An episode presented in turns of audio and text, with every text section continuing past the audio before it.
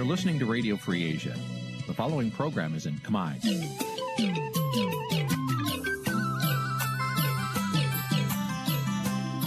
Nǐ chi càm bi tiệp xáy vệt chiu a zì sê ray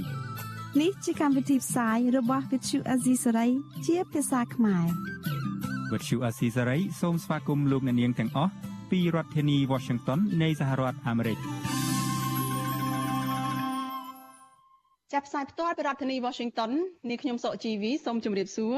លោកអ្នកនាងកញ្ញាដែលកំពុងតាមដានការផ្សាយរបស់ Vithu Azizi សេរីទាំងអស់ជាទីមេត្រីចា៎យើងខ្ញុំសូមជូនកម្មវិធីផ្សាយសម្រាប់យប់ថ្ងៃច័ន្ទចាប់3កើតខែចែកឆ្នាំឆ្លូវត្រីស័កពុរសករាជ2565ចាប់ត្រូវនឹងថ្ងៃទី4ខែមេសា គ្រិស្តសករាជ2022ចា៎ជាដំបូងនេះសូមអញ្ជើញលោកអ្នកនាងស្ដាប់ព័ត៌មានប្រចាំថ្ងៃដែលមានមេត្តាដូចតទៅ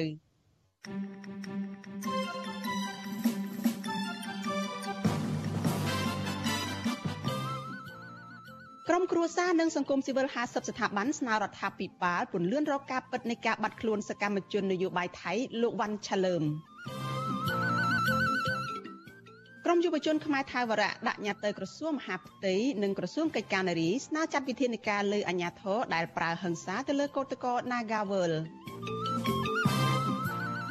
សកម្មជនការពារព្រៃឡង់ម្នាក់អះអាងថាអាញាធរគំរាមអាយុជីវិតលោករឿងចេញការពារព្រៃឈើ កម្មជនគណៈបកភ្លើងទៀននៅខេត្តស្ទឹងត្រែងរងការគំរាមឲ្យដកឈ្មោះចេញពីបញ្ជីបេក្ខជនឈរឈ្មោះបោះឆ្នោតក្រុមប្រឹក្សាឃុំសង្កាត់រួមនឹងព័ត៌មានសំខាន់សំខាន់មួយចំនួនទៀតចាជាបន្តទៅទៀតនេះនាងខ្ញុំសុជីវីសូមជូនព័ត៌មានទាំងនេះពិស្ដាចលនានាងជាទីមេត្រីក្រមគ្រួសារជនរងគ្រោះនិងក្រមអង្គការសង្គមស៊ីវិលចំនួន50ស្ថាប័ន បានចេញសេចក្តីថ្លែងការណ៍រួមគ្នាមួយស្នើគណៈកម្មាធិការអង្គការសហប្រជាជាតិស្តីពីការបាត់ខ្លួនដោយបង្ខំដើម្បីចេញមុខដោះស្រាយការខកខានជាបន្តបន្ទាប់របស់អាជ្ញាធរកម្ពុជាចាស់ពួកគេទទូចឲ្យមានការស៊ើបអង្កេតស្វែងរកសកម្មជននយោបាយថៃគឺលោកវ៉ាន់ឆាលើមសាប់ស័ក្តិសិទ្ធឲ្យបានឆាប់តែប៉ុន្តែមន្ត្រីជាន់ខ្ពស់រដ្ឋាភិបាលថាក្រុមអង្គការសង្គមស៊ីវិលចារួមទាំងគណៈកម្មាធិការស្តីពីការបាត់ខ្លួនទាំងបង្ខំរបស់អង្គការសហប្រជាជាតិនោះគឺពុំមានសិទ្ធិ បង្ខំឲ្យរដ្ឋាភិបាលធ្វើតាមសំណើរបស់ខ្លួនឡើយចាលោកនាងនឹងបានស្ដាប់សេចក្តីរាយការណ៍នេះនៅក្នុងការផ្សាយរបស់យើងនៅពេលបន្តិចទៀតនេះ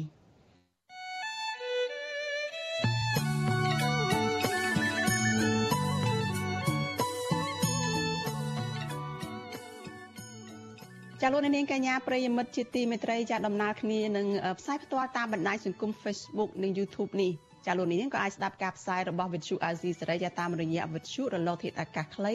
ចាតាមកម្រិតនិងកម្ពស់ដូចតទៅនេះចាប់ពេលព្រឹកចាប់ពីម៉ោង5កន្លះដល់ម៉ោង6កន្លះតាមរយៈរលកធាតុអាកាសខ្លី12140 kHz ស្មើនឹងកម្ពស់ 25m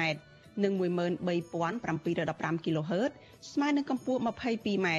ចាប់ពេលយប់ចាប់ពីម៉ោង7កន្លះដល់ម៉ោង8កន្លះតាមរយៈរលកធាតុអាកាសខ្លី 9960 kHz ស្មើនឹងកម្ពស់ 30m និង12140 kHz ស្មើនឹងកម្ពស់ 25m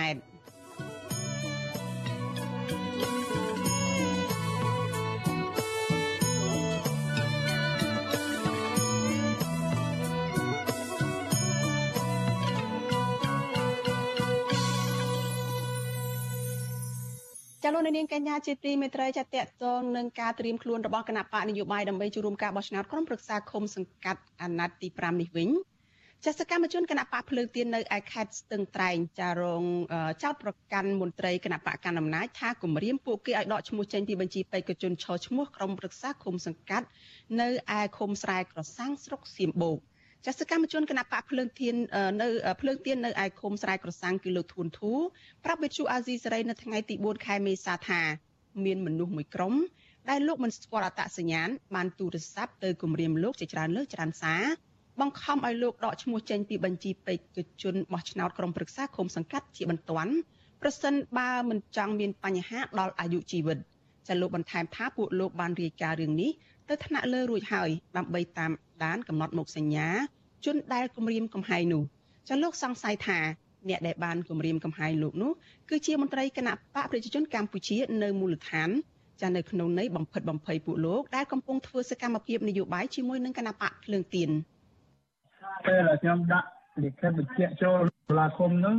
ដោយតែដាក់ចូលថ្ងៃនេះទៅនិយាយវាទេគម្រាមអីទៅឲ្យបេក្ខជនយើងនឹងកុំដកឈ្មោះដាក់អីទៅពីបេក្ខជនខុសឈ្មោះហ្នឹងណាចាវិទ្យុអាស៊ីសេរីមិនអាចស្ទំការបំភ្លឺរឿងនេះចាប់ពីអភិបាលខេត្តស្ទឹងត្រែងលោកស្វាយសំអៀងបានទេ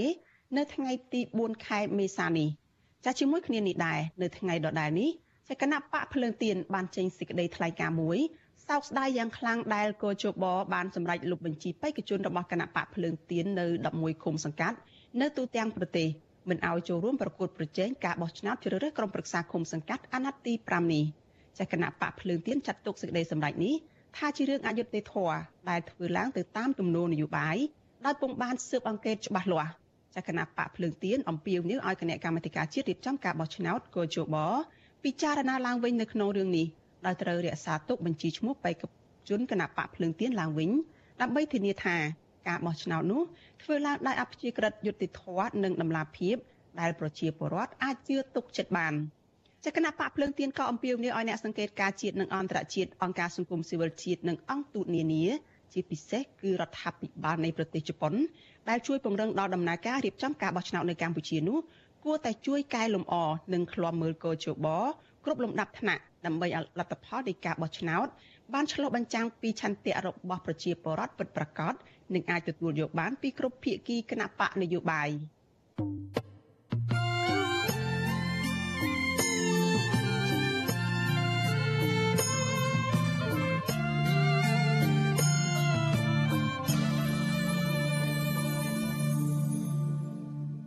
ចាលោកនាងកញ្ញាជាទីមេត្រីចាក្រមអ្នកវិភាគលើកឡើងថាលោកនាយករដ្ឋមន្ត្រីហ៊ុនសែនកំពុងតែស្វាស្វែងស្ដារមុខមាត់ឡើងវិញនៅក្នុងតំបន់និងអន្តរជាតិចានៅក្នុងការព្យាយាមជួបមេដឹកនាំយោធាផ្ដាច់ការមីយ៉ាន់ម៉ាឬក៏ភូមាគឺលោកមីនអងលៀងជាថ្មីម្ដងទៀតចាតើលោកហ៊ុនសែនព្យាយាមស្ដារមុខមាត់ឡើងវិញយ៉ាងដូចម្ដេចខ្លះលើបញ្ហាវិបត្តិនយោបាយនៅភូមានោះចាសសូមអញ្ជើញលោកនាងរងចាំទស្សនាបទសម្ភារអំពីរឿងនេះនៅក្នុងការផ្សាយរបស់យើងនៅពេលបន្តិចទៀតនេះ។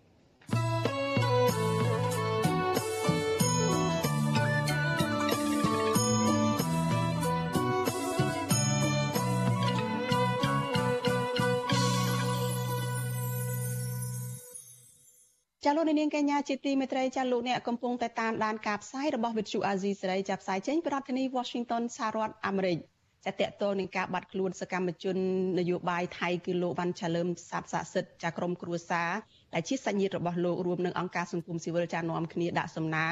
ដើម្បីឲ្យចាត់វិធានការទៅលើរដ្ឋាភិបាលកម្ពុជាដែលប្រងើយកន្តើយចំពោះការស៊ើបអង្កេតរឿងនេះចាសសូមលោកនាងស្ដាប់សេចក្តីរាយការណ៍របស់លោកមានរិទ្ធអំពីរឿងនេះ។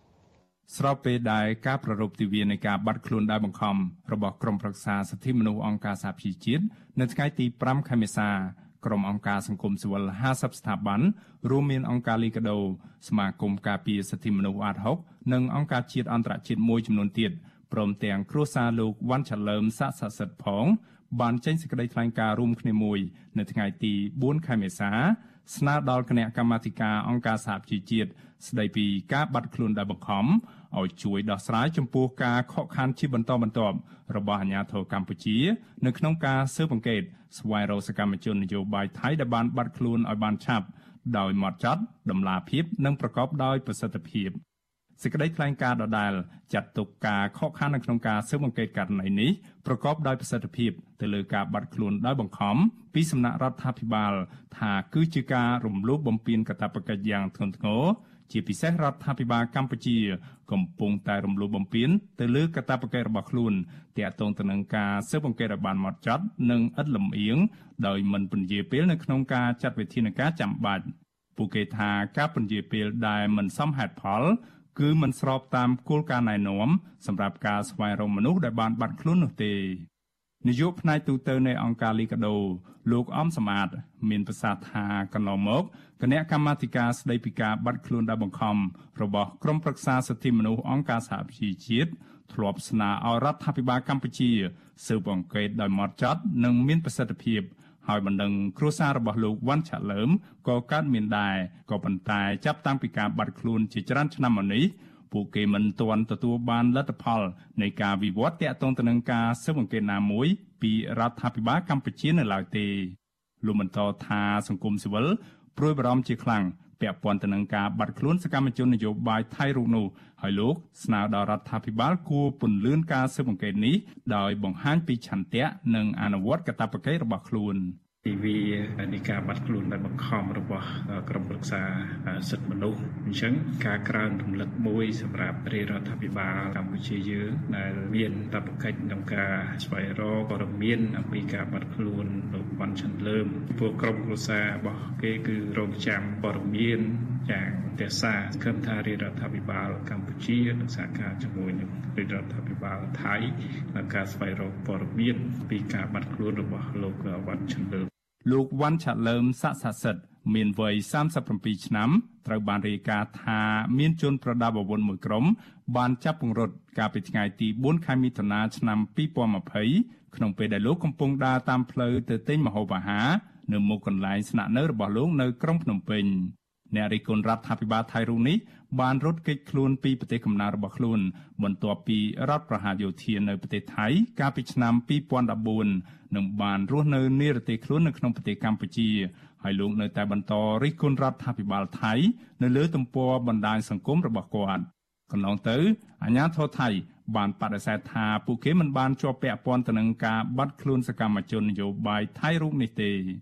បន្ទាប់ពីរងនឹងការថ្កោលទោសយ៉ាងខ្លាំងពីសហគមន៍អន្តរជាតិហើយបងស្រីលោកវ៉ាន់ឆាលើមគឺលោកស្រីស៊ីតណានសាសាសិទ្ធបានដាក់ពាក្យបណ្ដឹងទៅតុលាការក្រុងភ្នំពេញកាលពីខែកក្កដាឆ្នាំ2020អាជ្ញាធរកម្ពុជា បានបើកការស៊ើបអង្កេតព្រមទាំងគ្រួសារលោកវ៉ាន់ឆាលើមបានផ្ដល់សក្ខីភាពនិងភ័ស្តុតាងដល់តុលាការកន្លងទៅក៏ដោយក៏ព័ត៌មានតាក់ទងទៅនឹងការបាត់ខ្លួននិងដំណើរការនៃការស៊ើបអង្កេតនេះហាក់ស្ងៀមស្ងាត់ ឆ្លើយតបនឹងរឿងនេះប្រធានអង្គភិបណែនាំពាក្យរដ្ឋាភិបាល លោកផៃសិផានថ្លែងថាករណីនេះស្ថិតនៅលើដែនសមត្ថកិច្ចរបស់អាជ្ញាធរនិងតុលាការហើយក្រុមអង្គការសង្គមស៊ីវិលរួមទាំងគណៈកម្មាធិការស្តីពីការបាត់ខ្លួនដោយបង្ខំរបស់អង្គការសហប្រជាជាតិផងនោះពុំមានសិទ្ធិបង្ខំឲ្យរដ្ឋាភិបាល ធ្វើតាមសំណើរបស់ខ្លួនឡើយលោកបញ្ជាក់ថាគោលការណ៍របស់រដ្ឋាភិបាលកម្ពុជា គឺមិនអនុញ្ញាតឲ្យជនបរទេសប្រើប្រាស់ទឹកដីកម្ពុជា ដើម្បីប្រឆាំងទៅនឹងរដ្ឋាភិបាលនៃប្រទេសណាមួយនោះទេហើយអាជ្ញាធរនឹងចាត់វិធានការតាមផ្លូវច្បាប់ទោះជាយ៉ាងណាក៏ដោយអ្នកនាំពាក្យរដ្ឋាភិបាលរូបនេះថាលោកមិនអាចបញ្ជាក់ចំហរបស់រដ្ឋាភិបាលទាក់ទងទៅនឹងការស៊ើបអង្កេតស្វែងរកជនជាតិថៃនោះបានទេ ដោយសារតែលោកមិនដឹងថាលោកវ៉ាន់ឆាលើមចូលមកប្រទេសកម្ពុជាក្រោមរូបភាពបែបណា មិនមែនបានជនភៀសខ្លួនហើយមកសង្ងំធ្វើនយោបាយគឺអត់ឆ្លើយតបនឹងនិយាយជាជនភៀសខ្លួនទេជនភៀសខ្លួនរែកនយោបាយណាមួយទៅតែតាក់ទងជាមួយនឹងអង្គការសហជាតិទូបន្ទុកជនភៀសខ្លួនហើយជាជនភៀសខ្លួននយោបាយឬជនភៀសខ្លួនអតីតទៀតប៉ុន្តែជនភៀសខ្លួនទោះបីទទួលស្គាល់ដោយអង្គការសហជាតិដែលទទួលបន្ទុកខាងជនភៀសខ្លួនក៏ប៉ុន្តែខ្លួនបានធ្វើសកម្មភាពប្រឆាំងនឹងរដ្ឋណាមួយគឺកម្ពុជាមិនអនុញ្ញាតទេកម្ពុជាមានតែគៀនតាមប្រតិបត្តិពលជននោះមក វិសុវស៊ីស្រីមិនអាចតាក់ទងแนะនាំពាក្យអគ្គស្នងការដ្ឋាននគរបាលជាតិលោកឆៃកំខឿននិងแนะនាំពាក្យគណៈកម្មាធិការសិទ្ធិមនុស្សរបស់រដ្ឋាភិបាលលោកកតាអូនដើម្បីបកស្រាយបន្ថែមបានទេ នៅថ្ងៃទី4ខែមេសាករណីបាត់ខ្លួនសកម្មជននយោបាយថៃនៅកម្ពុជានេះអង្គការសង្គមស៊ីវិលជាតិនិងអន្តរជាតិព្រមទាំងអង្គការសហប្រជាជាតិទទួលបន្ទុកផ្នែកសិទ្ធិមនុស្សផង បានស្នើឲ្យរដ្ឋាភិបាលកម្ពុជាត្រូវតែស៊ើបអង្កេតដោយម៉ត់ចត់និងឥតលំអៀង បន្ថែមពីនេះរដ្ឋាភិបាលត្រូវផ្ដល់ព័ត៌មានលម្អិតឬការវិវត្តនៃការស៊ើបអង្កេតនោះដើម្បីធានាថាលោកវ៉ាន់ឆាលើមសាទសសិទ្ធនៅកន្លែងណានិងបង្ហាញថាសមត្ថកិច្ចកំពុងស៊ើបអង្កេតនិងស្វែងរកជនល្មើសប្រកបមែនខ្ញុំបានមេរិត Visual C ស្រីរាយការណ៍ពីរដ្ឋធានី Washington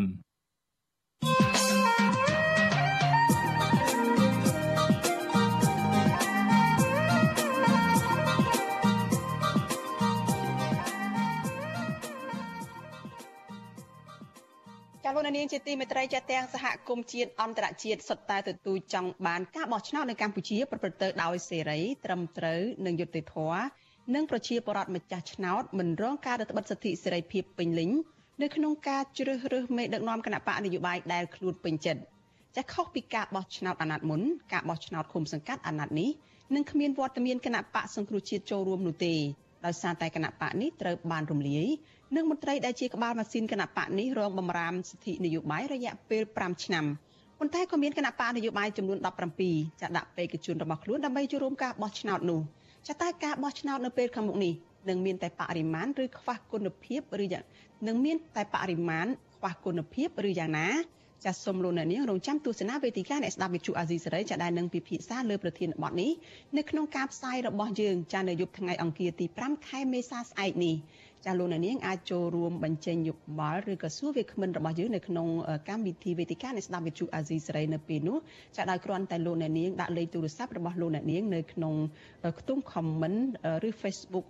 YouTube ឬក៏ Facebook របស់វិទ្យុអាស៊ីសេរីចាក្រុមការងាររបស់យើងនឹងស្រង់មតិឬក៏ទស្សឬក៏លេខទូរស័ព្ទរបស់លោកអ្នកនាងចាដើម្បីហៅទូរស័ព្ទទៅលោកអ្នកនាងវិញនិងផ្ដល់ឱកាសឲ្យលោកអ្នកនាងចូលរួមវេទិកាអ្នកស្ដាប់នៅពេលនោះ។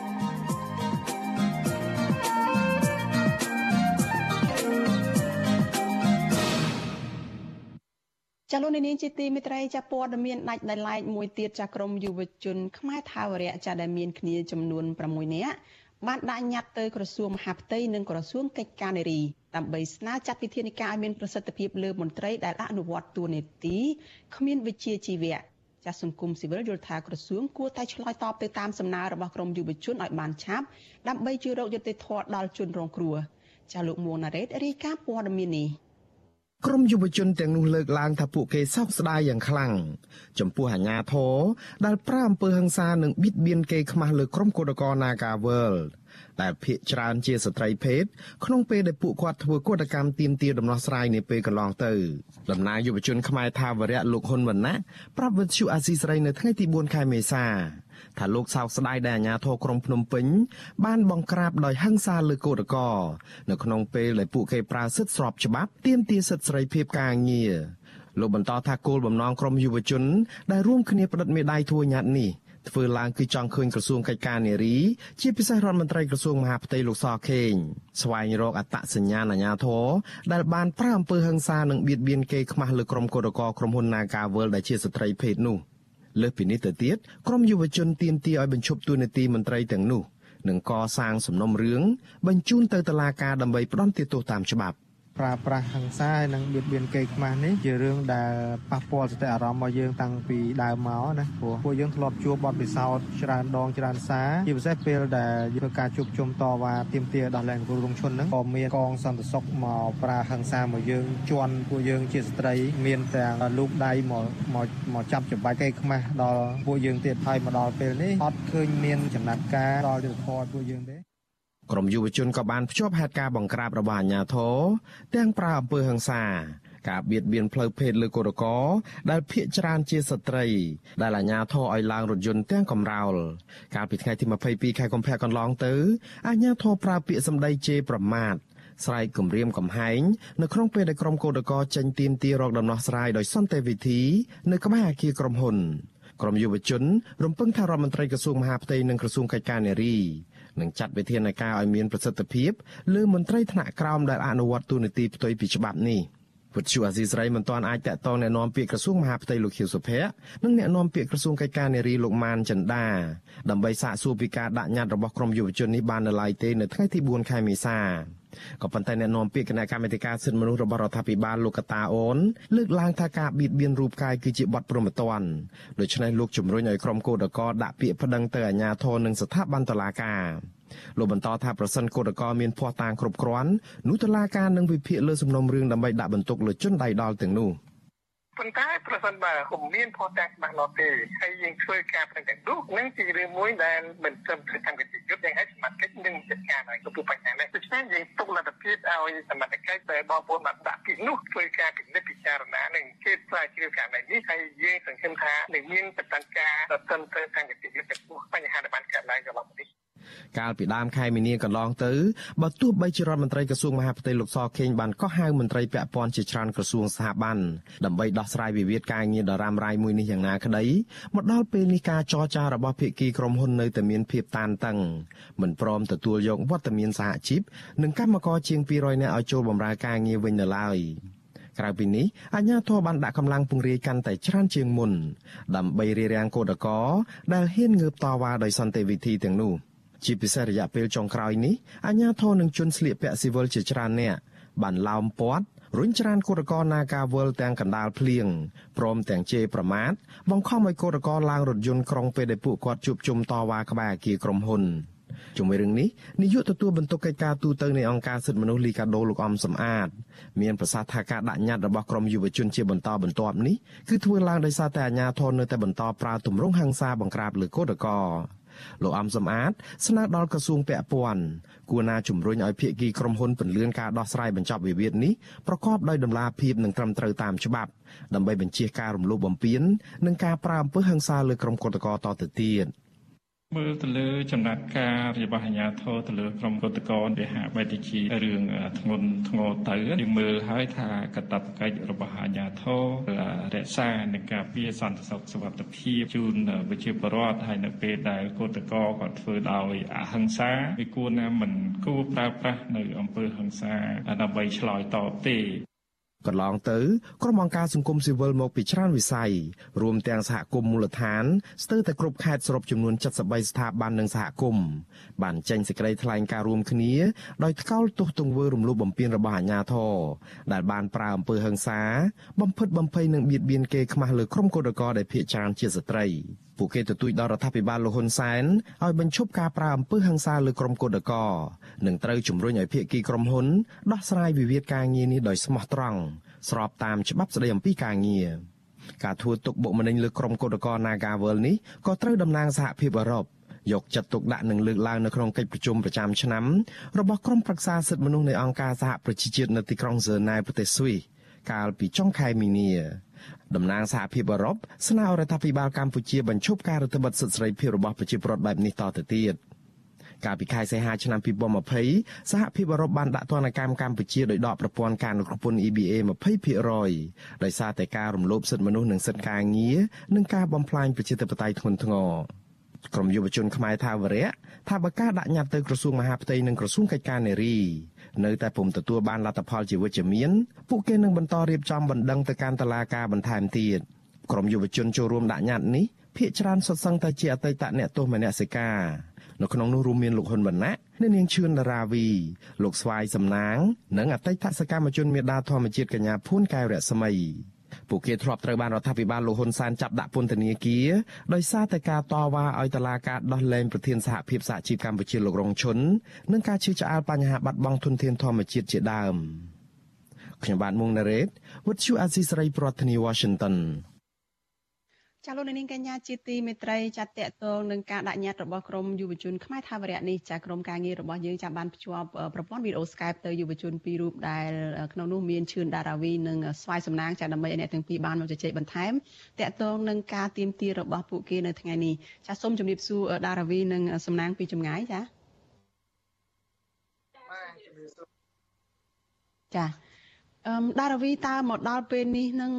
មានការឆ្លើយតបឬក៏មានការសន្យាអីយ៉ាងម៉េចទេពីខាងក្រសួងទាំងពីរគឺក្រសួងកិច្ចការនារីនិងក្រសួងមហាផ្ទៃដែលខាងក្រមយុវជនយកញត្តិទៅដាក់នឹងចាចាបងដោយក្រសួងកិច្ចការក្រសួងមហាផ្ទៃគឺបានទទួលញត្តិហើយក៏នឹងធ្វើការឆ្លើយតបតែមិនដឹងថាពេលណានឹងធ្វើការឆ្លើយតបទូទេគ្រាន់តែថាទទួលហើយអញ្ចឹងណា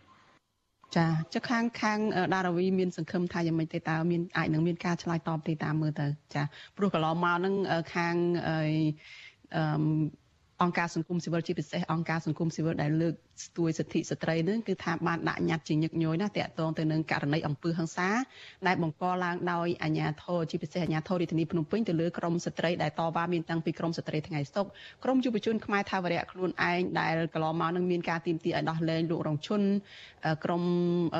អ្នកដែលគាត់ការពីបរិស្ថានអីហ្នឹងក៏គាត់ធ្លាប់ដាក់ញត្តិ ប៉ុន្តែក៏មិនឃើញមានការដោះស្រាយអីដែរហើយអំបញ្ញមិញនេះចាលោកមូណារ៉េតបានលើកឡើងថាយើងមិនអាចតាក់ទងអ្នកនាំពាក្យនៃក្រសួងទាំងពីរគឺក្រសួងកិច្ចការនារីគឺអ្នកស្រីម៉ាន់ចិន្តាដើម្បីឆ្លើយតបរឿងនេះបានទេហើយក្រសួងមហាផ្ទៃនឹងក៏មិនបានតាក់ទងបានដើម្បីឆ្លើយតបដែរតើខាងក្រមយុវជននៅមានសង្ឃឹមទេពីព្រោះកន្លងមកនឹងការដាក់ញត្តិនឹងហាក់ដូចជាដាក់ទៅខុយដាក់ទៅខុយទេចា៎ ចាតកតងរឿងនេះគឺក្តីសង្ឃឹមពួកយើងមានថា1%ចាស់កុំឲ្យអត់សោះចាដើម្បីអឺយើងបង្ហាញថាអ្វីដែលយើងគិតនឹង100%ត្រូវឬក៏ខុសព្រោះកន្លងមកក៏យើងដឹងថាមានអង្គការសង្គមស៊ីវិលគាត់ធ្វើជាលិខិតស្នើឬក៏អីចាមិនទាន់មានការឆ្លើយតបឲ្យតម្រូវពួកយើងចាឥឡូវយើងដាក់ញត្តិដើម្បីកាន់តែច្បាស់ថាអ្វីដែលពួកយើងគិតហ្នឹង វាពិតជាត្រឹមត្រូវឬក៏ខុសអញ្ចឹងអឺការដាក់ញត្តិនេះក៏យើងចាមានការរំពឹងទុកបានថាតិចតួចមែនតែនឹងមានចំណាត់ការហើយការដែលយើងសម្រេចនៃការដាក់នេះយើងគិតថានៅពេលដែលมันមានការឆ្លើយតបក៏យើងនឹងធ្វើវិធីសាស្ត្រផ្សេងមួយទៀតដើម្បីជំរុញឲ្យ រដ្ឋាភិបាលមានត្រូវតែមានដំណោះស្រាយចំពោះទង្វើរបស់អាជ្ញាធរថ្នាក់ក្រោមដែលប្រព្រឹត្តអំពើមិនក៏បីតែរំលោភច្បាប់ជាតិនិងអន្តរជាតិចា៎គឺគិតថាយើងនឹងធ្វើគ្រប់វិធីសាស្ត្រចា៎ចាឆ្លៀតពេលនឹងចង់សួរទឹកចិត្តរបស់ដារាវីទៅវិញដារាវីក៏ជាអ្នកដែលចេញមុខតវ៉ាកន្លងមកនឹងការដែលចេញតវ៉ាឲ្យមានការដោះលែងលោករងឈុននឹង នៅមុនពេលដែលត្រូវចាប់ខ្លួនដាក់ពន្ធនាគារនឹងឃើញថាសកម្មនៅក្នុងការតវ៉ានឹងណាស់នៅតាមផ្លូវជាពិសេសនៅខាងមុខតឡាការក្រុងនឹងហើយនៅពេលដែលការមានសវនកម្មឬក៏ការសាកសួរអីទៅដល់លោករងឈុននឹងគឺឃើញក្រុមយុវជនទៅតវ៉ាក្នុងហ្នឹងក៏មានដារវីដែរហើយមានតាំងពីកាលនោះនឹងមានគេលូកលាន់មានគេក្តិចមានគេខ្វាចមានគេអឺ ដូចជាយកទាំងកបោបដែលមានលុយជាច្រើនទៅជាមួយទៀតនឹងថាតើអារម្មណ៍ពេលដែលឃើញសភាពកើតឡើងទៅលើក្រមកោតកោ Nagawal នឹងគិតយ៉ាងម៉េចទៅនៅក្នុងចិត្តនឹងចា៎ចាវាដូចជាការសើរឺតដំបៅចាស់ព្រោះកន្លងទៅយើងធ្លាប់ឆ្លងកាត់ដូចជាសកម្មភាពទៅចូលរួមជាមួយស្ត្រីអឺថ្ងៃសពអីក៏យើងឃើញថាខោខើទៅហើយហើយដល់រឿងលោករងឈុន ក៏មានការបន្លំអីពីអាញាធរហើយមានច្រើនរូបភាពដែលដែលអឺក្នុងពេលបង្ក្រាបម្ដងម្ដងហ្នឹងគឺមានការប្រើកម្លាំងហឹង្សាគាត់ធាក់ជន់ជើងអីជាដើមហើយនឹងស្អីហ្នឹងមានរូបភាពមួយទៀតគឺក្តិចហ្នឹងហ្មងហើយបុគ្គលដែលចាដារាវីឮពីខាងនេះខ្ញុំទេចា ចាដូចជារអាក់រអួលហើយយើងមិនអាចទទួលបានសម្លេងនិងរូបភាពមកពីខាងដារាវីទេចាដាដារាវីឮពីខាងនេះខ្ញុំទេចាឃើញតែអញ្ចឹងមិនមានដំណោះស្រាយថាមន្ត្រីដែលប្រព្រឹត្តអំពើហិង្សាឬក៏ធ្វើបាបដល់ប្រជាពលរដ្ឋនៅពេលដែលចូលប្រក្រាបម្ដងម្ដងហ្នឹងឃើញថាពួកគាត់មិនមិនយកចិត្តទុកដាក់ហើយអាចថានឹងលើកបនស័កទៅថែមទៅទៀតចឹងជាការគ្រប់គ្រងដែលរដ្ឋាភិបាលធ្វើ ឲ្យមន្ត្រីអ្នកក្រោមហ្នឹងកាន់តែគិតថាខ្លួនឯងធ្វើត្រូវចឹងយើងជំរុញឲ្យមានដំណោះស្រាយចំពោះបុគ្គលដែលខលខូចហើយបុគ្គលដែលប្រព្រឹត្តអំពើអឺជាអំពើដែលខូខើប្រៃសៃបែបនេះចាចានៅពេលដែលគេមកប្រក្រាបម្ដងម្ដងហ្នឹងឃើញមានរូបភាពទាំងមានទាំងវីដេអូមានតាំងពីរូបភាពអឺអឺ នឹងថ្កល់ហ្នឹងក៏ក៏បានលើកឃើញថាមានករណីដែលអញ្ញាធមមានទាំងឯកសន្តានមានទាំងស៊ីវិលហ្នឹងគាត់ប្រើហិង្សាគាត់អឺប៉ះពាល់ដល់រាងកាយរបស់ស្ត្រីអ្នកតវ៉ាអីហ្នឹងប៉ុន្តែអឺដារាវីលើកឡើងថាក៏មានអឺអឺអញ្ញាធរឬក៏សមត្ថកិច្ចខ្លះហ្នឹងគាត់ក៏ល្អដែរបានន័យថាមានតែមួយចំនួនទេដែល មិនល្អហើយបានប្រើហិង្សាបានប្រើអាកប្បកិរិយាមិនល្អទៅលើអ្នកតវ៉ាហ្នឹងមានអ្នកល្អដែរនៅក្នុងរឿងហ្នឹងចា៎ចាប្រកាសណាស់បងអឺសារពេលពេលខ្លះគាត់ក៏យល់ដឹងទៅគាត់ក៏មកបំពេញតែទូនាទីគាត់មិនហ៊ានប្រើកម្លាំងអីធ្ងន់ធ្ងរអីមកលើយើងហើយបង្ហាញទឹកមុខសំណោះសំណោកនៃការអាណិតដល់ពួកយើងក៏មានដែរចាប៉ុន្តែពួកដែលគាត់ ប្រើហិង្សាគាត់មករបៀបទុកថាពួកយើងជាសត្រូវគឺច្រើនចាដារាវីខ្ញុំនឹងងាកមកដារាវីវិញដើម្បីទៅជែកបន្តទៀតពីរឿងអំពើហិង្សានេះថាតើហេតុអ្វីបានជាមិនអាចបញ្ចប់បានហើយតកតនការដាក់ញត្តិអីហ្នឹងចាអឺងាកទៅលោកសំណាងតើក្រៅតែពីការដាក់ញត្តិនឹងកន្លងមកហ្នឹងតើក្រមយុវជនខ្មែរថាវរៈនឹងធ្វើអីខ្លះចាពីមុនមកហ្នឹងឃើញមានករណីជួបជុំគ្នាបង្ហោះពេញប៉ោងនៅតាម រាជធានីខេត្តមួយចំនួនដើម្បីឲ្យគេបានដឹងឮពីការតវ៉ារបស់ក្រុមគុតកោនៅ Nagawal តើចំពោះរឿងដែលស្នើសុំអាជ្ញាធរឲ្យចាត់វិធានការអីនេះយើងធ្វើយុទ្ធនាការដូចមិនខ្លះចាមានសកម្មភាពអីខ្លះចា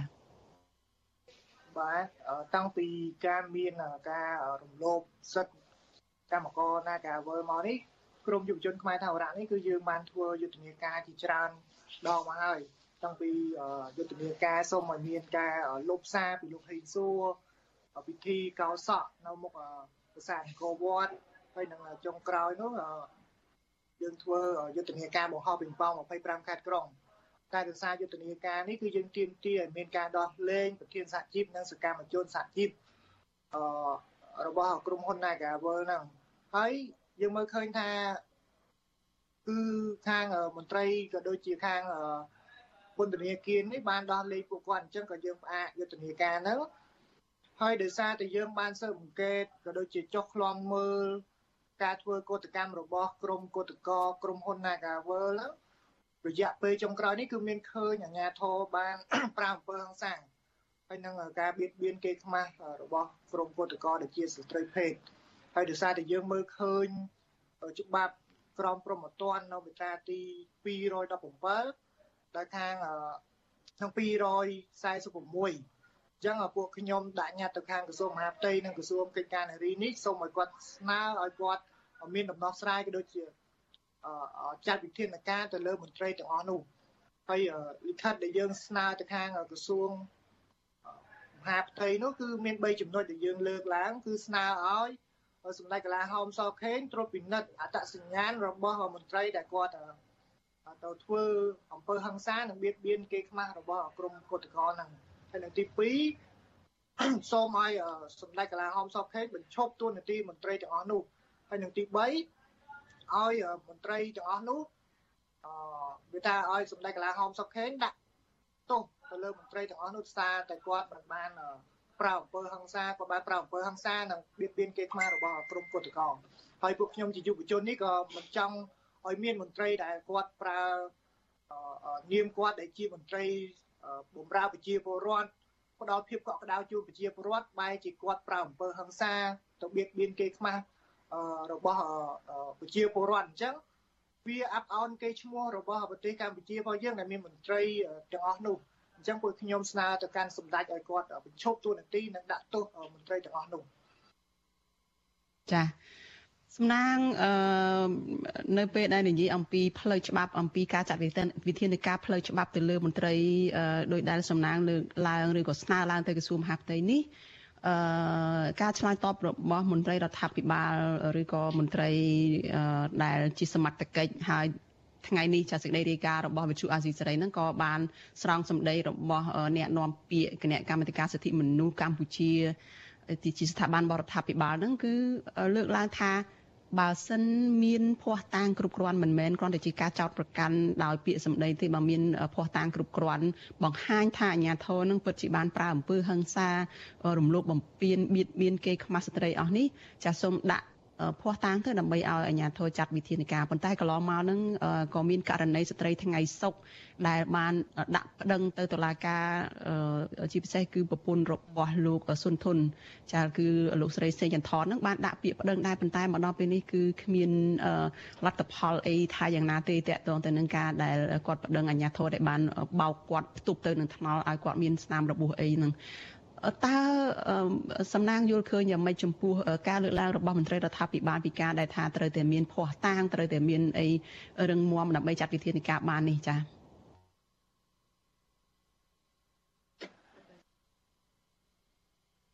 ចាបងឮខាងខ្ញុំអត់បងចាចាឮសូមជឿចាមុននេះបង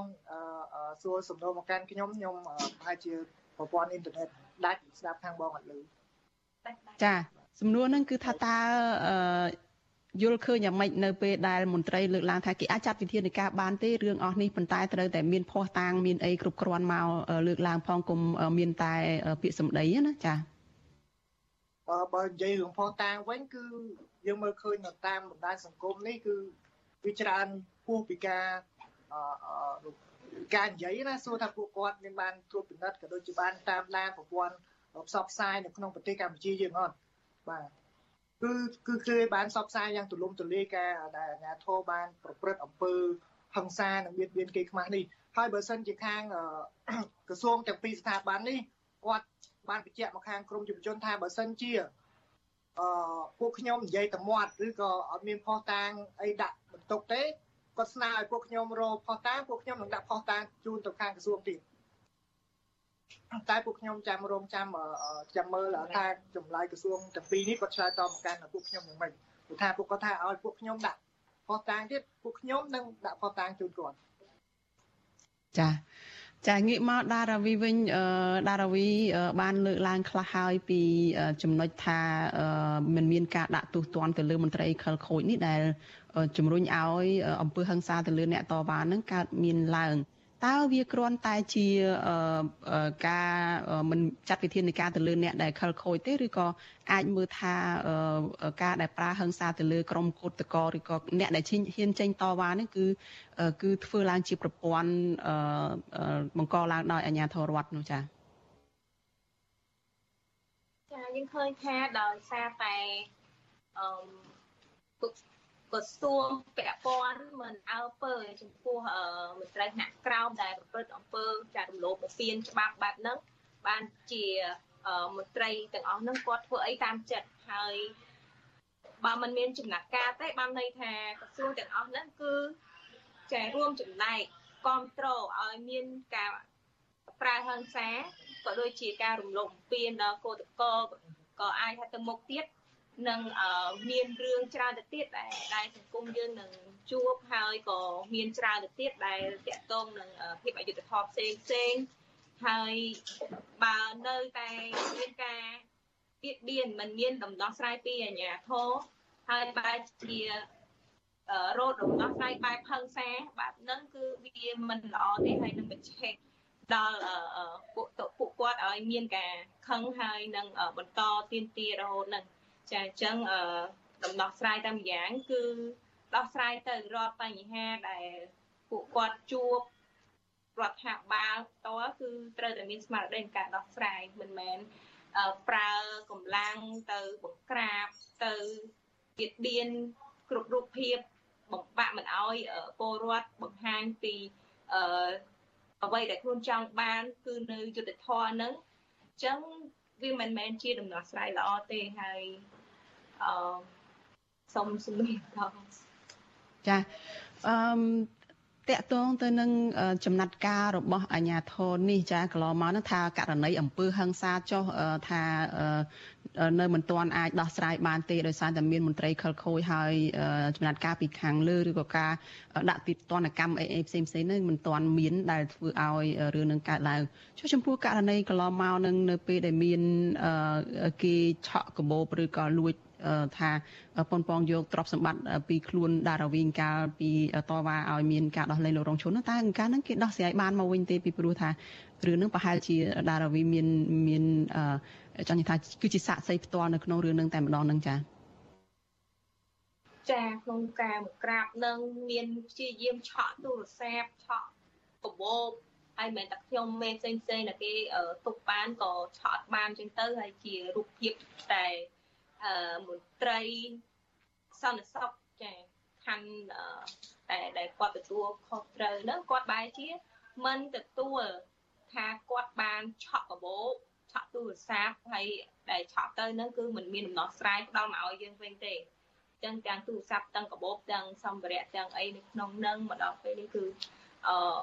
សួរទៅក៏ដឹងថាខាងណាទទួលខុសត្រូវដែរចឹងជាការដែលអឺ បង្ហាញមួយតកតងនឹងការធ្វើការរបស់អឺអឺខាងអាជ្ញាធរមានសមត្ថកិច្ចដែលគាត់គួរតែធ្វើការចាត់ទុនទីគឺបំរើជាពលរដ្ឋផ្ដល់នៅ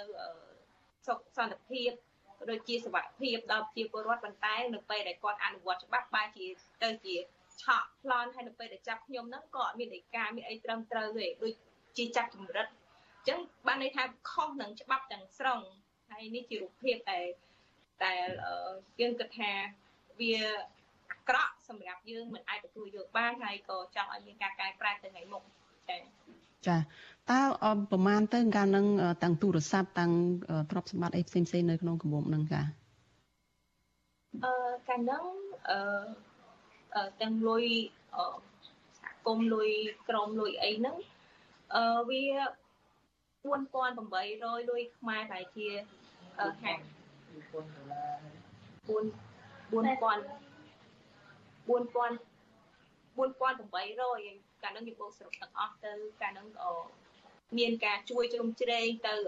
លោករងឈុនក៏ដូចជាតែគឺជួយទៅគ្រួសារលោករងឈុនផងជួយទៅអ្នកគ្រូឆាយជវីដែលត្រូវជន់ដេកឆានជិះម៉ូតូប៉ុនប៉ងធ្វើបាបគាត់ ពីនឹងបាត់បង់ជីវិតនោះគឺនឹងគឺគាត់ធ្ងន់មែនទែនហើយក៏មានការជួយជ្រោមជ្រែងទៅគាត់តាមនឹងច្រើនហើយក៏ដូចជាទៅខែសហគមន៍ប្រៃឈើផងដែរចឹងទៅសរុបទៅវាជាថ្ងៃចែកដនមួយដែលខ្ញុំប្រហែលហើយគាត់ថាថ្ងៃហ្នឹងយកទៅអាចសល់ពេលនឹងយកទៅវេឲ្យស្រុករួមចឹងណាហើយចឹងទៅវាចែកដនអីគឺទាំងព្រឹកហ្នឹងគេហូតឆក់ទូរស័ព្ទវាឆក់អត់បានទេឆក់អក៏ឆក់កាបូបខ្ញុំទៅ ចឹងហើយយើងស្រែកទៀមទាព្រោះលុយទាំងអស់ហ្នឹងវាមិនមែនជាលុយខ្ញុំមកចេញមកហ្នឹងក៏ក៏ខ្ញុំបាន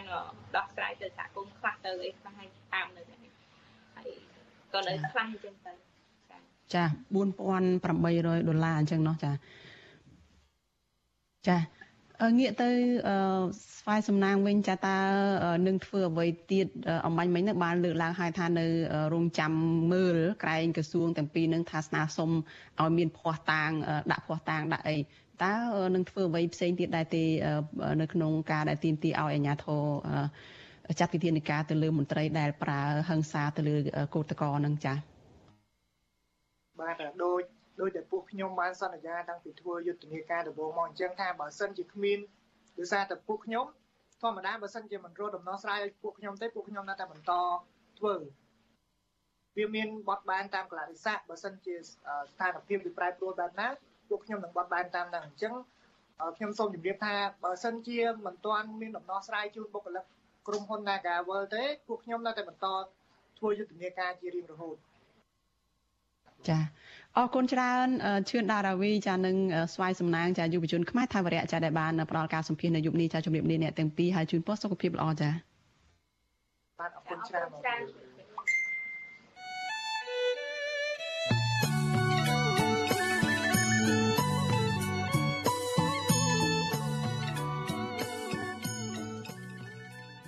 ចាលោកអ្នកនាងកញ្ញាជាទីមេត្រីចានៅក្នុងឱកាសនេះដែរចានាងខ្ញុំសូមថ្លែងអំណរគុណដល់លោកអ្នកនាងចាដែលតែងតែមានភក្ដីភាពចំពោះការផ្សាយរបស់យើងហើយចាត់ទុកការស្ដាប់វិទ្យុអាស៊ីសេរីនេះគឺជាផ្នែកមួយនៃសកម្មភាពប្រចាំថ្ងៃរបស់លោកអ្នកនាងចាការគ្រប់គ្រងរបស់លោកអ្នកនាងនេះហើយដែលធ្វើឲ្យយើងខ្ញុំចាកាន់តែមានទឹកចិត្តថែទៀតចានៅក្នុងការស្វែងរកព័ត៌មានពិតនិងផ្សព្វផ្សាយព័ត៌មានជូនលោកអ្នកនាង ចាមានអ្នកស្ដាប់មានអ្នកទស្សនាកាន់តែច្រើនចាគឺកាន់តែធ្វើឲ្យយើងខ្ញុំនឹងមានភាពស្វាហាប់និងមោះមុតជាបន្តទៅទៀតចាយើងខ្ញុំក៏សូមអរគុណលោកអ្នកនាងទុកជាមុនហើយសូមអញ្ជើញលោកអ្នកនាងចូលរួមជំរុញឲ្យការផ្សាយរបស់វិទ្យុអាស៊ីសេរីនេះចាកាន់តែជោគជ័យបន្ថែមទៀត ចាលោកអ្នកនាងអាចជួយយើងខ្ញុំបានដោយគ្រាន់តែលោកអ្នកនាងចុចចែករំលែកការផ្សាយរបស់វិទ្យុអាស៊ីសេរីចានៅលើបណ្ដាញសង្គម Facebook និង YouTube ចាទៅកាន់មិត្តភ័ក្តិរបស់លោកអ្នកនាងចាដើម្បីឲ្យការផ្សាយរបស់យើងនេះបានទៅដល់មនុស្សកាន់តែច្រើនចាសូមអរគុណ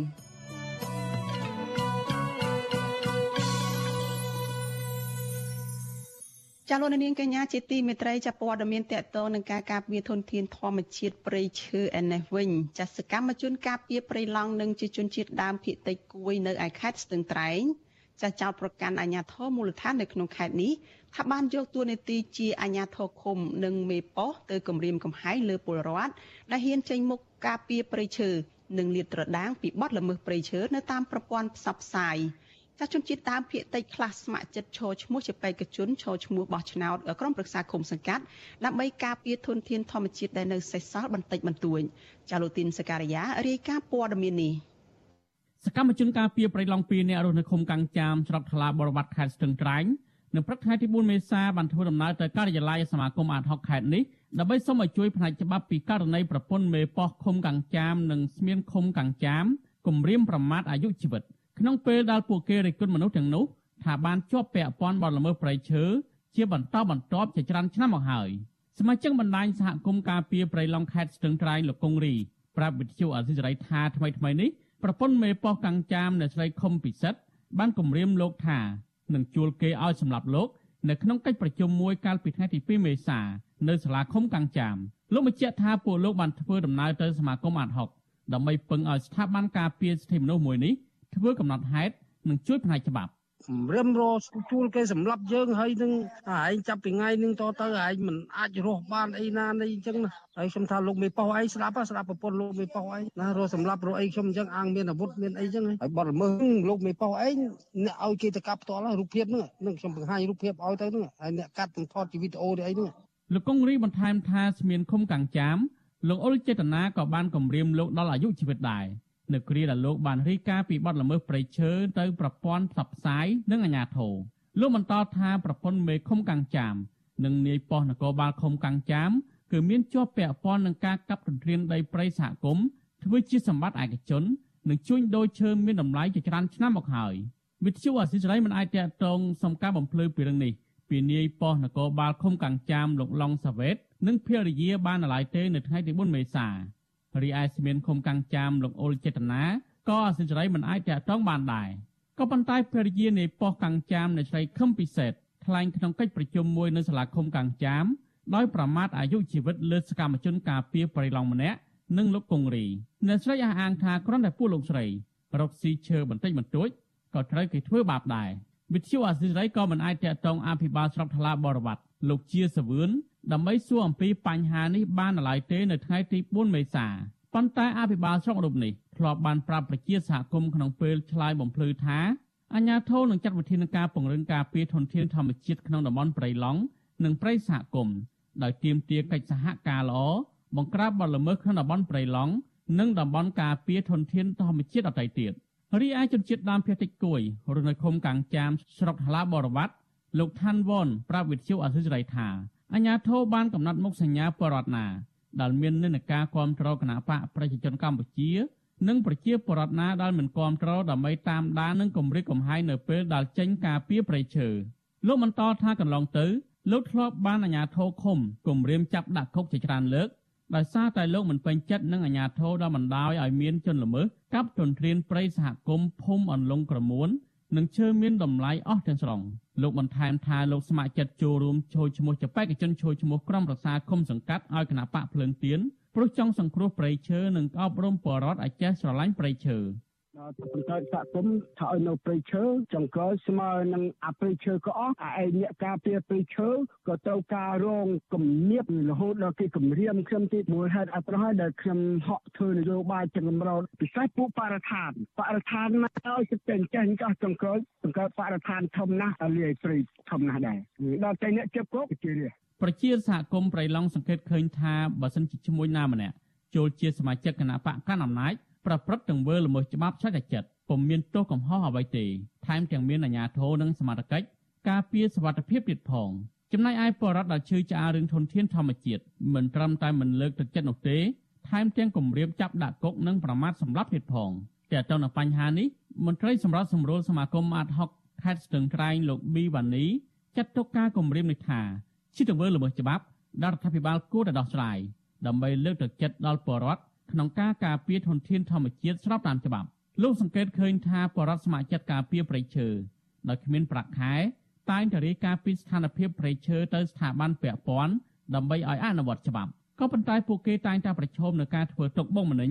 និងគំរាមកំហែងដើម្បីបំផិតបំភ័យឲ្យបញ្ឈប់សកម្មភាពនេះទៅវិញ។ ការកាប់រុករាននឹងហើយក៏មិនដឹងថាមនីខណ្ឌរដ្ឋបាលព្រៃឈើក៏ដូចជាអាជ្ញាធរខេត្តនឹងក៏ចាត់ការលើជនប្រព្រឹត្តនឹងដែរអានេះដែលយើងឃើញថាការអនុវត្តច្បាប់នឹងគឺវាអត់បានត្រឹមត្រូវធ្វើឲ្យជនប្រព្រឹត្តនៅតែមានឱកាសនិយាយគម្រាមអ្នកការពារដល់និយាយគម្រាមអាងអំណាចអាងមានលុយអាងអីចឹងទៅហើយមានដល់កាប់រុករានចាប់ដីព្រៃលក់តបតបគ្នាទៅហើយមានដល់អាជ្ញាធរភូមិអាជ្ញាធរឃុំចេញលិខិតផ្ទេសិទ្ធអីកាន់កាប់អីលក់តបទៅគ្នាទៀត ប្រជាសហគមន៍ជនជាតិដើមភាគតិចសង្កេតឃើញថាអាញាធរខេត្តស្ទឹងត្រែងតែងតែគិតពីប្រយោជន៍បកប្រជាជនកម្ពុជា ជាងគិតប្រជាពលរដ្ឋនិងធនធានធម្មជាតិលោកថាឈ្មោះមួយចំនួនបានចូលជាសមាជិកគណៈបកកណ្ដាលអំណាចកាប់ព្រៃរាប់ពាន់ហិកតា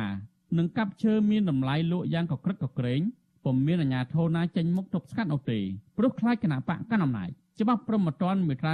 233ចែងថាការគម្រិតកំហែងនឹងការសម្លាប់ សម្ដែងចេញតាមលិខិតរូបភាពឬវត្ថុអ្វីមួយត្រូវផ្តន្ទាទោសពី6ខែទៅ2ឆ្នាំនិងពិន័យជាប្រាក់ពី1លានរៀលទៅ4លានរៀលខ្ញុំធីនសាការីយ៉ាអស៊ីសេរីប្រធានីវ៉ាស៊ីនតោន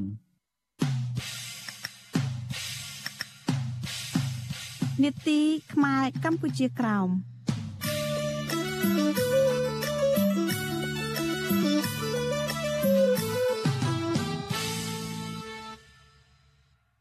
ចាលោកនាងកញ្ញាជាទីមេត្រីចាជនភៀសខ្លួនខ្មែរក្រោមជាង200នាក់នៅក្នុងប្រទេសថៃកំពុងអំពាវនាវរកជំនួយពីសប្បុរសជននិងស្វែងរកអន្តរាគមពីអង្គការសហប្រជាជាតិទទួលបន្ទុកផ្នែកជនភៀសខ្លួនដើម្បីផ្ដល់សិទ្ធិឲ្យពួកគេបានទៅជ្រកកោននៅប្រទេសទី3ចាជនភៀសខ្លួនខ្មែរក្រោមថាពួកគេកំពុងតែជួបបញ្ហាជីវភាពនោះកាន់តែធ្ងន់ធ្ងរទៅធ្ងន់ធ្ងរទៅចាពីរដ្ឋធានី Washington លោកយុនសាមៀនរាយការណ៍អំពីរឿងនេះ។ ជនភៀសខ្លួនខ្មែរក្រោមដែលរត់គេចចេញពីការធ្វើទុកបុកម្នេញនិងការតាមចាប់ខ្លួនពីសំណាក់អាជ្ញាធរវៀតណាមនិងកម្ពុជាចំនួន245នាក់កំពុងជាប់ផុងនិងអស់សង្ឃឹមនៅប្រទេសថៃអង្គការសហប្រជាជាតិទទួលបន្ទុកជនភៀសខ្លួន UNHCR មិនទាន់អាចជួយពួកគេឲ្យទៅស្វែងរកទីតាំងមានសុវត្ថិភាពនៅប្រទេសទី3នៅឡើយទោះបីអ្នកខ្លះបានសុំសិទ្ធិជ្រកកោនអស់រយៈពេលជាង10ឆ្នាំមកហើយក្តី បច្ចុប្បន្នពលរដ្ឋខ្មែរក្រៅ160នាក់ក្នុងចំណោម245នាក់ត្រូវបាន UNHCR ផ្ដល់ឋានៈជាជនភៀសខ្លួនប៉ុន្តែខ្មែរក្រោមខ្លះទៀតត្រូវគេបដិសេធសំណើជាជនភៀសខ្លួនប្រធានសមាគមក្រុមជនភៀសខ្លួនខ្មែរកម្ពុជាក្រោមនៅថៃលោកលឹមសំណាង ដែលជាជនភៀសខ្លួនម្នាក់ដែលប្រាប់វិទ្យុអាស៊ីសេរីកាលពីថ្ងៃទី3មេសាថាជនភៀសខ្លួនខ្មែរក្រោមកំពុងជួបការលំបាកគ្រប់បែបយ៉ាង ក្នុងការរស់នៅនៅប្រទេសថៃលោកថាទោះបី UNHCR ផ្ដល់ឋានៈជាជនភៀសខ្លួនដល់ខ្មែរក្រោមខ្លះក៏ដោយប៉ុន្តែឋានៈជាជនភៀសខ្លួនមិនអាចឲ្យពួកគេស្វែងរកការងារធ្វើដោយស្របច្បាប់បាននោះទេជនភៀសខ្លួនខ្លះកំពុងជួបវិបត្តិខ្វះខាតម្ហូបអាហារនិងថវិកាសម្រាប់ការរស់នៅ ទីមួយទៀតយើងយើងជំនួយយើងជាជនភៀសខ្លួនយើងជាជនភៀសខ្លួនហ្នឹងគឺយើងមកក្នុងស្រុកថៃហ្នឹងគឺយើងមិនមានសិទ្ធិពេញលេញក្នុងការទៅធ្វើការងារឲ្យឲ្យថៃទេមិនមានសិទ្ធិទៅធ្វើស្វាងការស្រុកថៃទេហើយបើយើងយកកាត UNHCR ទៅធ្វើការងារស្ម័គ្រធ្វើការក៏ឲ្យធ្វើដែរចំណុចពិបាកបំផុតในជនភៀសខ្លួនយើងពិបាកព្រោះការងារធ្វើហើយដូច្នេះទេ COVID រៀលដាល់ឡើងពីច្រើនឆ្នាំហើយតាំងពីឆ្នាំ2019រហូតដល់ឆ្នាំ2022វាចូល3ឆ្នាំហើយទៀតដូច្នេះទេ អឺខ្មែរក្រមជួបបញ្ហានឹងការរស់នៅចំណូលចំណាយប្រចាំថ្ងៃទៅមានថវិកាចូលឬមិនមានថវិកាចូល លោកលឹមសំណាងជាអតីតព្រះសង្ឃខ្មែរក្រោមជាគ្រូបង្រៀនអក្សរសាស្ត្រខ្មែរដល់កូនកូនខ្មែរក្រោមលោកបានរត់ចេញពីស្រុកកំណើតទៅរស់នៅប្រទេសកម្ពុជា ដោយសារតែអាញាធរវៀតណាមបានតាមចាប់ខ្លួនកាលពីឆ្នាំ2006លោកលឹមសំណាងកាលពីឆ្នាំ2007ក្នុងនាមជាប្រសង់ខ្មែរក្រៅមួយអង្គបានបន្តចូលរួមធ្វើបាតកម្មប្រឆាំងវៀតណាម នៅមុខស្ថានទូតវៀតណាមនៅកម្ពុជា រឿងវៀតណាមលុបបំបាត់កម្មវិធីព្រះពុទ្ធសាសនានិងគៀបសង្កត់សិទ្ធិប្រតិបត្តិសាសនារបស់ខ្មែរក្រោមប៉ុន្តែការតវ៉ារបស់ព្រះសង្ឃខ្មែរក្រោមត្រូវបានអាជ្ញាធរកម្ពុជាបង្ក្រាបនិងចាប់ខ្លួនព្រះសង្ឃជាច្រើនអង្គទៀតផងអាជ្ញាធរកម្ពុជាក៏បានតាមចាប់ខ្លួនលោកលឹមសំណាងទើបលោករត់ទៅសុំសិទ្ធិជ្រកកោននៅប្រទេសថៃហើយបានសឹករហូតមកទល់សពថ្ងៃនេះលោកលឹមសំណាងថាក្នុងរយៈពេលជិត1ទសវត្សរ៍មកនេះ អង្គការសហប្រជាជាតិទទួលបន្ទុកជនភៀសខ្លួន UNHCR មិនបានផ្ដល់សិទ្ធិជ្រកកោននៅប្រទេសទី3ដល់ជនភៀសខ្លួនខ្មែរក្រោមនោះទេហើយខ្ញុំសំណពោដល់អង្គការនានាហើយដូចជាដល់អង្គការ UNHCR នៅទូទាំងពិភពលោកជាពិសេសក្នុងស្រុកថៃជាដើមហើយក្នុងស្ថានទូតដទៃដទៃដូចស្ថានទូតអាមេរិកកាណាដាគោឡង់ដែលណាម៉ាកស្ថាបទូតណាក៏ដោយដែលយុជនភៀសខ្លួនដែលទទួលយុជនភៀសខ្លួនសូមសំណពោ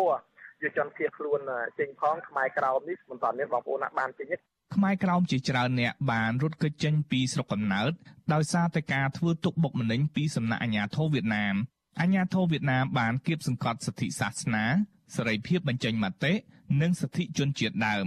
ជនភៀសខ្លួនខ្មែរក្រោមទាំងនោះចង់មករស់នៅកម្ពុជាដែរប៉ុន្តែត្រូវអាជ្ញាធរវៀតណាមសហការនឹងអាជ្ញាធរខ្មែរបន្តការធ្វើទុកបុកម្នេញទើបពួកគេរត់ទៅសុំសិទ្ធិជ្រកកោននៅប្រទេសទី3នៅប្រទេសថៃ មកដល់ប្រទេសថៃពួកគេកំពុងជួបវិបត្តិសេដ្ឋកិច្ចដោយសារតែមិនអាចធ្វើការងារស្របច្បាប់ ហើយត្រូវរងការកេងកម្លាំងពលកម្មពីសំណាក់ថៅកែថៃទៀតផង។ស្រដៀងគ្នានឹងលោកលឹមសំណាងដែរលោកកឹមគិនជាជនភៀសខ្លួនខ្មែរក្រោមនិងជាអតីតទាហាន ដែលបានសហការនឹងទាហានអាមេរិកប្រយុទ្ធប្រឆាំងនឹងទាហានកុម្មុយនីសក្នុងសម័យសង្គ្រាមវៀតណាមក៏កំពុងជួបបញ្ហាជីវភាពលំបាកវេទនានិងគ្មានអាហារហូបចុកគ្រប់គ្រាន់ដែរ លោកកឹមគិនគ្មានការងារធ្វើអស់រយៈពេលជាង1ឆ្នាំមកហើយសប្តាហ៍ថ្ងៃនេះលោកទទួលបានជំនួយបន្តិចបន្តួចពីអង្គការ UNHCR និងសមាគមខ្មែរក្រោមនៅក្រៅប្រទេសបាទដែលជាភៀសខ្លួនមកដែលជាដល់ប្រទេសថៃនៅស៊ីមុងមួងនឹងជាការទុកលំបាកបំផុតគឺទៅមានបំផុតពីប្រុសយើងចាស់ហើយយើងមិនអាចនឹងចេញទៅពលកម្មខាងក្រៅពីប្រុស នៅស្រុកថៃដឹងស្រាប់ហើយតែចាស់ហើយធ្វើអីក៏អត់បានដែរម្ល៉េះហើយការរំនៅដោយភាពក្បត់ក៏ប៉ុន្តែយើងស៊ូទ្រាំដែលជាហូបរបបដែលជា UN នៃអង្គការដែលចែកបំពេញបន្ទួចនឹងដើម្បីលោកកឹមគិនមានអាយុ70ឆ្នាំប្លាយហើយលោកបានចាកចេញពីស្រុកកំណើតនៅខេត្តព្រះត្រពាំងកម្ពុជាក្រោមក្រោយពីវៀតណាមដោះលែងលោកចេញពីពន្ធនាគារបន្ទាប់ពីលោកជាប់ឃុំអស់រយៈពេល8ឆ្នាំ លោកត្រូវបានវៀតណាមចាប់ដាក់ពន្ធនាគារដោយសារតែលោកជាទាហាន សហការនឹងទាហានអាមេរិកវាយទាហានកុម្មុយនីសវៀតណាមខាងជើង ក្នុងសម័យសង្គ្រាមវៀតណាមចាប់តាំងពីឆ្នាំ1974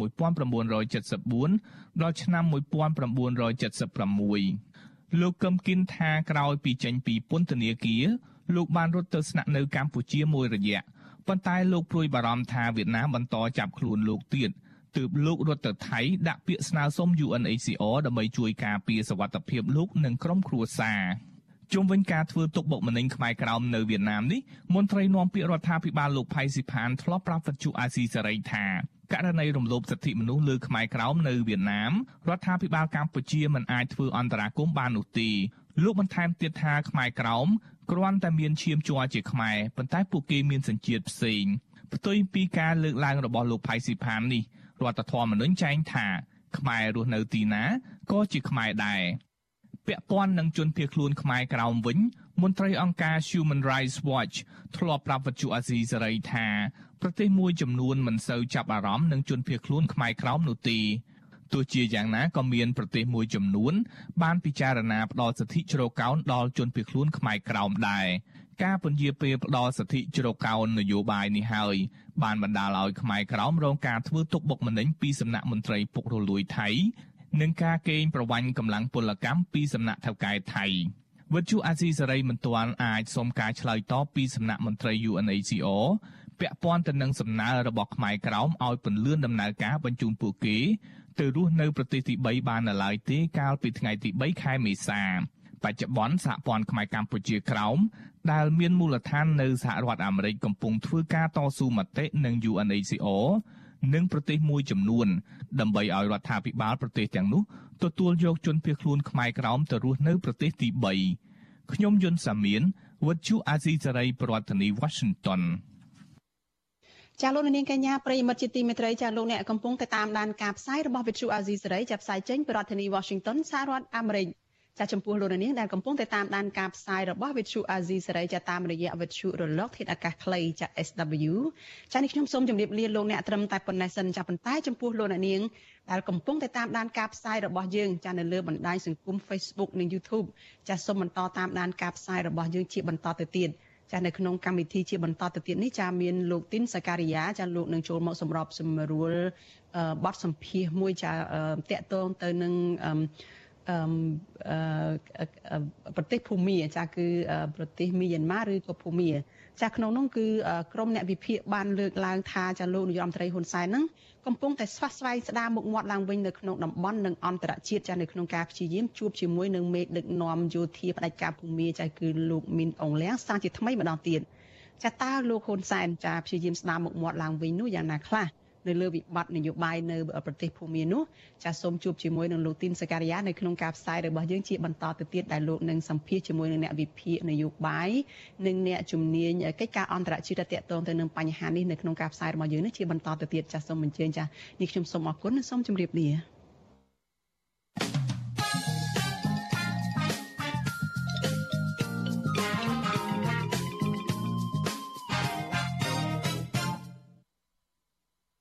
បាទខ្ញុំបាទធីនសាក្រាសូមជម្រាបសួរលោកនាងសម្រាប់ការផ្សាយយប់ថ្ងៃទី4មេសាឆ្នាំ2022នេះបាទវគ្គបន្ទាប់នេះយើងនឹងជជែកអំពីថាតើលោកហ៊ុនសែនកំពុងតែព្យាយាមស្ដារមុខមាត់យ៉ាងដូចម្ដេចខ្លះទៅលើបញ្ហាចំនួននយោបាយនៅភូមិនេះហើយវាគ្មិនទៅចូលរួមគឺយើងមាននៅវិភាគនយោបាយលោកកឹមសុខហើយនិងអ្នកជំនាញខាងវិទ្យាសាស្ត្រនយោបាយនិងអន្តរជាតិលោកអែមសវណ្ណរាខ្ញុំបាទសូមជម្រាបសួរលោកទាំងពីរបាទ បាទសូមជម្រាបសួរបាទបាទជជំរាបសួរលោកសាកាយ៉ាជំរាបសួរលោកកិនសុកបាទបាទបាទអរគុណច្រើនដល់លោកទាំងពីរ